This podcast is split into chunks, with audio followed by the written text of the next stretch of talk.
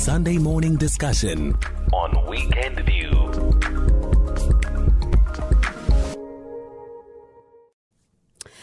And of course, uh, the you know when you think about um, Heritage Day, you think about what this day means to us. You think about what's happening today. You think about a lot of the things that make us South African. There's many aspects to being South African, and one of them, the survivors and families of the victims of the 17th June 1992 Boipatong massacre say they've forgotten, they've been forgotten and neglected. Now, a monument established by the Gauteng provincial government in 2014 in memory of those who died in that tragedy is not being maintained. Survivors claim the 2.3 million rand allocated for the upkeep of the monument site by the provincial and national governments has been misused by the Sidibeng district municipality. Fanuel Schumer has more. It was a massacre that stunned the world in the transition period to the country's democracy. 45 people were killed in Boipatong in the Vaal 31 years ago. The attacks were orchestrated and carried out by IFP supporters who resided at local hostels in conjunction with the apartheid police. They attacked the area in the middle of the night while people slept. Some of the houses still display bullet holes. 55 year old Zamile Lata, who lost three relatives in the tragedy, says the establishment of the monument did very little to heal the old wounds. The monument is, is not fully functional, it's not working. We are the families there who are cleaning. They abandoned the monument about six years. They come, they promise us the stipend. So no one is responsible for the monument or for what is happening there. It is us, the families, who do that there in the monument for volunteer. Even today, every uh, event now, they are coming to the monument of Big Patu because the monument is all right. But the premier said last time, give us 10 months, the monument will be fully operational. Remember, it was last year around June. Many thought the presence of the monument would create economic opportunities for the unemployed locals and to honor those who perished in the massacre. Molele Kifantisi is a concerned resident. But our location and our history that we have contributed is not recognized. The only recognition that they have left us is the monument that is there for more than 14 years. Nothing has been happening there on the monument to celebrate the fallen heroes of Bipato. Currently like to get recognition from the government or even of fellow South Africans to know about the history that we played as Bipato people. The community accused municipal officials and the provincial government of diverting the funds allocated for the project and neglecting the significance of the memorial site. Modise Molefe has tried all he could to establish the truth. Well, I'm one of the people who am a sucker for creating something out of nothing. I can't just fold my arms because there's no money. What does the government say? There's no money, no stipends. Government only told me that they allocated 2.3 million this year. On June 13th, I received a letter from the office of Minister Kodwa telling me that there is money allocated. That money is not coming forth. The money, I don't think it will come because the municipal manager of CDBN wrote me a letter and he said that money was depleted. It was used For what? for maintenance, I suspect, also. Which he didn't see. I did not see because that monument is a mess and it was a mess. The municipal manager of Sidibeng District Municipality, Mutsumi Martin, has refuted the allegations of financial mismanagement. Uh, we have since submitted a plan on what the money should be used for. We have already released uh, a bid requesting suppliers who are going to do the refurbish work. Uh, the plans are done uh, on what needs to happen and what needs to be done on site. That process is it's on as, as I'm responding to you now. And the money is ring fenced, it's not used for any other purpose within the municipality. It is a grant that is solely meant to be used for specifics, and that's exactly what the money will be used for. The monument was built by the Gauteng government and officially launched by former Premier David Makuram on the 22nd anniversary of the Boipatong massacre in September 2014. But since then, no public event that relates to the Boipatong tragedy has taken place on site due to the ongoing impasse between the community, the municipality, and the provincial government. Fanuel Shuma, SABC News, Boipatong in the Val. Now, to further explore the state of our heritage sites and national monuments and whether, in their current condition, they are the best vehicles to express our national heritage, we are joined on the line by Dr. Mabui Gumede, Senior Lecturer and Program Coordinator in the Cultural Heritage Tourism Program at UKZN, and Dr. Ndiboniswani Lukwareni, CEO of the National Heritage Council of South Africa. And this, of course, as we are looking at our heritage, and this is our history, a big part of our history, and whether or not are they lying in ruins? Do we care about all of them? How does um, you know the conversation begin to happen about how exactly should we start even preserving some of those that we are not looking after you think for example that particular office in the um, Johannesburg CBD, that building that caught fire, a number of people talking about the fact that this should, in fact, be, um, you know, have been a mo- monument, a heritage site, which we should have, um, you know, kept in check. So th- th- there's quite a number of them. You listen to that community of Boipatong that is talking about the fact that the monument there is not being maintained. Money that is supposed to be set apart for that particular project of maintenance is simply not being used. And I do understand that Dr. Ndiboniswani Lukwareni, CEO of the National Heritage Council of South Africa, as well as, uh, um, in fact, is with us, pardon me, as well as Dr. Mabui Gumede, Senior Lecturer and Program Coordinator in the Cultural Heritage Tourism Program at UKZN, are now both with us. Thank you so much for your time. I'll start with you, Dr. Gumede. We're listening to residents of Boipatong voice their concerns about this monument, um, you know, that Boipatong massacre monument that they're saying is not being well maintained. Is this indicative of the general state of heritage sites and national monuments around the country? Good morning to the listeners at home. Um, about the state of the monuments in the country, most of the heritage sites, um, including the monuments in the country, they are dilapidated. They are in a dilapidated state. And there are various reasons for these monuments and heritage sites to be in this state. One of these is the lack of maintenance and also vandal vandalism coming directly from the local people, the local communities. And the reason why the local communities sometimes uh, vandalize these heritage sites, it's because they do not feel like they are they have ownership or even responsibility for them. Why? For there are so many reasons. One of the reasons could be they feel like they do not benefit anything from it. Therefore, these are just in that state, and when they are in that state, they are in no position to attract tourists to come and visit them. Thank you. Thank you, Dr. Um, Lukwareni. One would then ask Is the Council happy with the state of heritage sites and monuments in South Africa currently? Morning, Bongiwe, and good morning, Dr. Gumede and your listeners. no, a lot can still improve, but uh, just to come specifically to the question that you have asked, uh, I think it starts with uh, general awareness to say that uh, these monuments have got rich and great history behind them, and that it's not really one department's uh, efforts that will be enough to uh, get them uh, functional. But where you find that um, these monuments are preserved, it's where there is a tourist commercial link to them, where you find that uh, the local communities have incorporated these monuments into their tourism guide uh, outlook, and then they can thus benefit from them. Um, and in some cases, you would find that the communities become friends of that museum or friends of that monument, friends of that statue, and they see to themselves to see that it's maintained.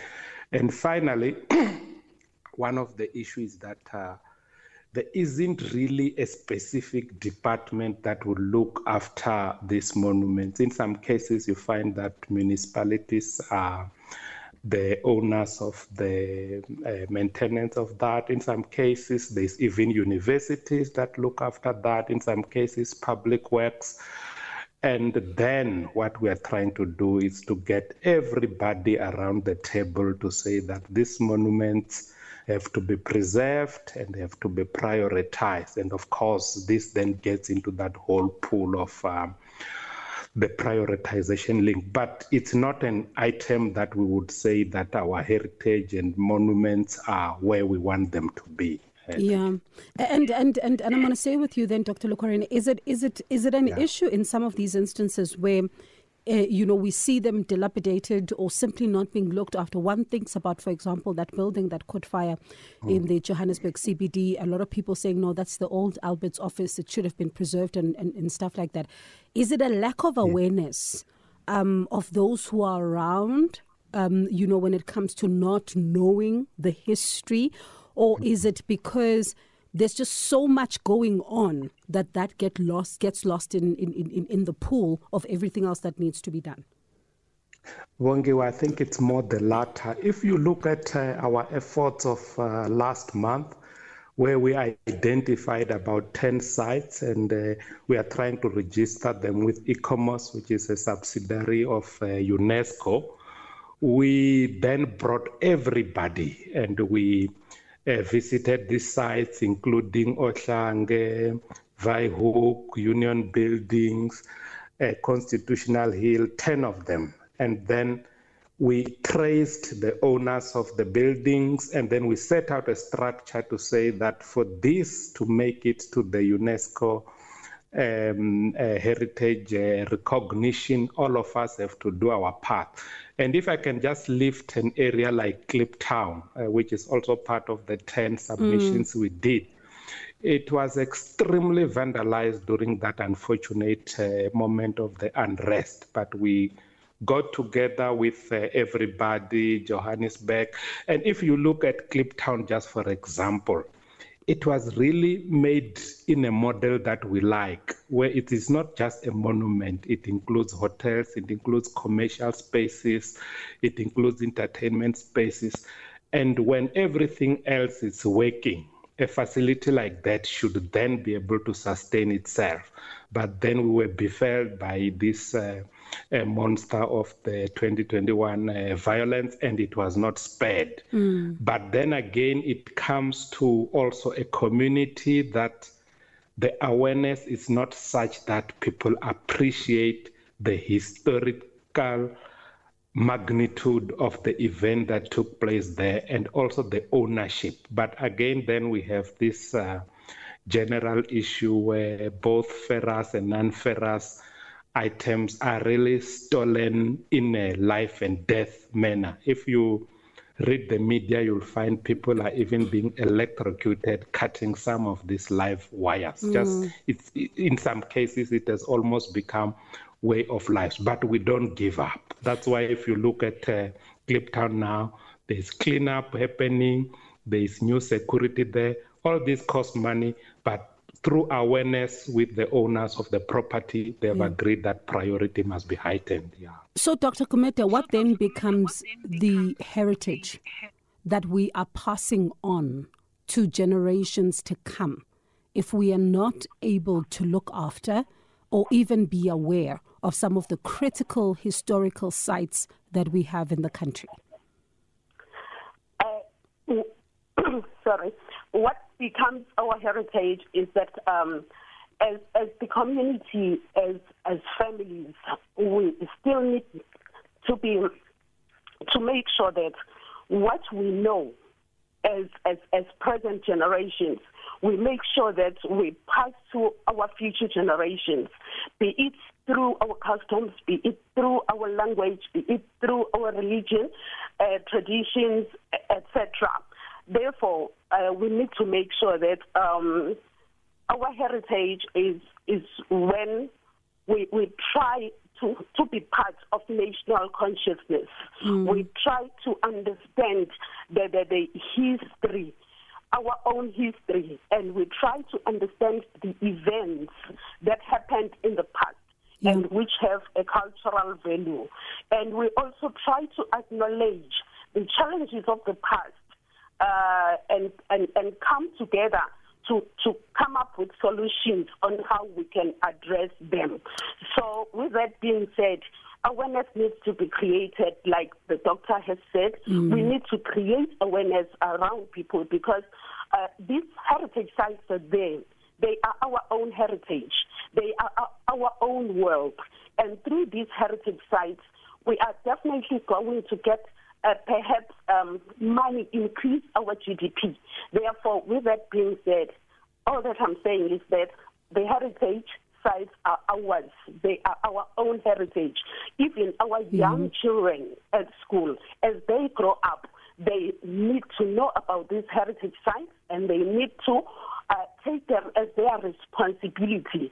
Try to take care of them instead of vandalizing them. And they can only be able to do that if they, these have been introduced to them and they know their value, they know their significance, and even the workers in the heritage sites, um, yeah. when they address the patrons, they need to be knowledgeable about the significance of these heritage sites so that um, they ensure that the knowledge that they pass perhaps to the people, those people who have come, uh, this knowledge is, is brings some memorable experience to these people in order to encourage return visits and also to encourage a positive word of mouth.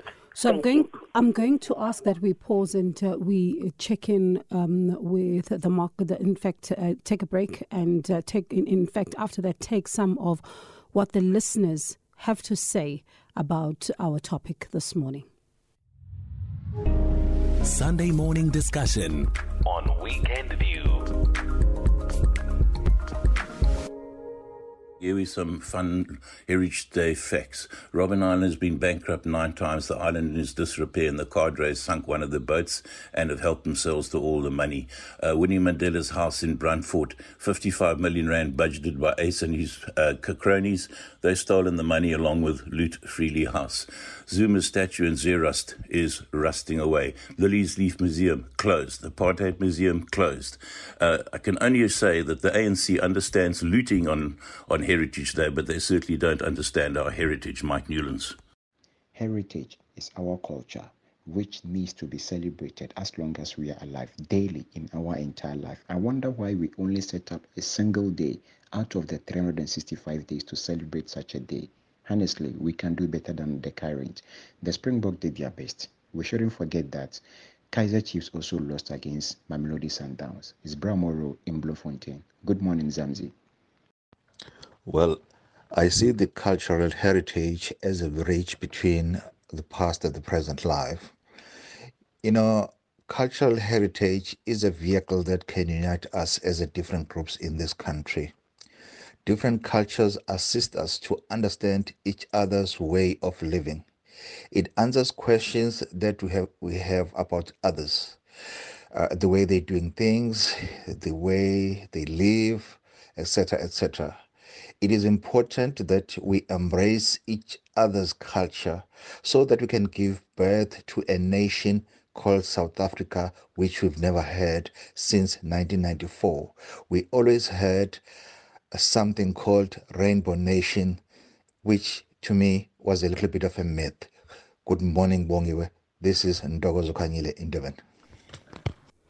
Thank you very much for those voice notes. And it's all part of the conversation that we're having this morning as we're talking about these monuments, some of them lying in ruins, but we're seeing others being well maintained. And we see the tourist, um, you know, tourists flocking in there, the tourism value um, around that. And we're still in conversation with Dr. Mabui Gumede, Senior Lecturer and Program Coordinator in the Cultural Heritage Tourism Program at UKZN, and Dr. Ndiboniswani Lukwareni, CEO of the National Heritage Council of South Africa. Just before I come back to you, Dr. Lukwaren, I'm going to go to you, Dr. Gumede. One of the things that, you know, we, we see is that in some of these places where the monuments are well maintained and things are working uh, quite well, we see tourists flock in, um, you know, in large numbers. And, and, and one then also, you know, you mentioned something earlier on when you spoke about the the spin-offs that we could get from this if we were to look after that. And that is really one of the things that we are scoring as own goals, if one can argue, because we're not making sure that we are taking care of this to also drive more tourism and more money for the country. Dr. Gumede? Yes, ma'am. Yes, I'm not sure if you heard my question. May I? May you please repeat your question? Thank I, you. I was saying that we are also scoring our own goal um, to something Yes. that you said earlier on. If we are not preserving more sites, because we also don't have more tourists coming into those sites, and thus making sure that there's economic spin-offs for the country. Yes, what I can say is, as as um, South Africans, we need to make sure that we take good care of our our our own heritage sites. We need to make sure that we we we we, we try and teach from our children from a young age about these heritage sites. We create a awareness around these heritage sites and their significance to the history of South Africa. We introduce our children to even the national symbols, to know these national symbols and to to try and be part of them. We also encourage the country's citizens to participate in these heritage activities and, and, and we make sure that the, our communities, our children, they know the country's history, they know the cultures, they know the traditions. And also, if we can, as a country, try to be uh, open to understanding and respecting and being open also to learning about different cultures other than our own. So that we can be able to celebrate uh, this Heritage Day and um, allow it to provide us the opportunity for all of us as South Africans to learn about the country's rich diversity.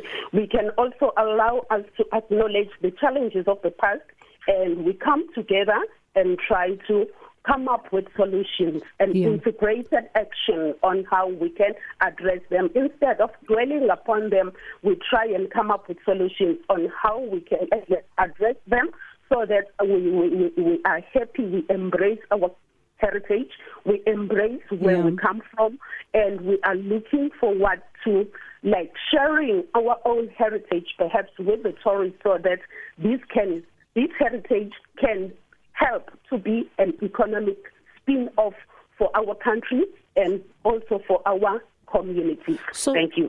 Thank you. Dr. Lukwareni, what are some of our symbols? Because we talk about symbols and some people don't even understand what we mean. Yeah, thank you very much, Bongiwe. Maybe also just before I go to symbols, just to add on what uh, Mike Bramoro and Intokozo have said, um, there, it's indeed some of the monuments are not in the right space. But if you look at a monument like the Mandela Capture Site in Howick, uh, and I visited that six months ago, you find this uh, cooperation of both spheres of government at its Mm. best. I was there and I saw the local mayor, Mr. Papas, the uh, district mayor, and these are from different political parties. But when we had this event, they buried their differences. They came in there. There were buses of school kids. There were buses of international tourists. The museum, it's made in a simplified structure, just uh, corrugated iron, but well kept, and it was really uh, bringing back revenue.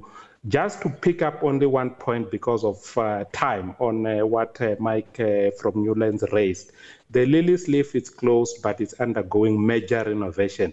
On the 28th, I invite you, Mike, um, to come to Lily's Leaf because we are having an awareness program of Which the 60th 28th? anniversary, 28th of this month, yeah, Okay. of this week, Okay. yeah, uh, of the 60th anniversary of the Rivonia trial. So the richness of that museum cannot be hidden away. Areas like uh, Apartheid Museum, you cannot hide them away.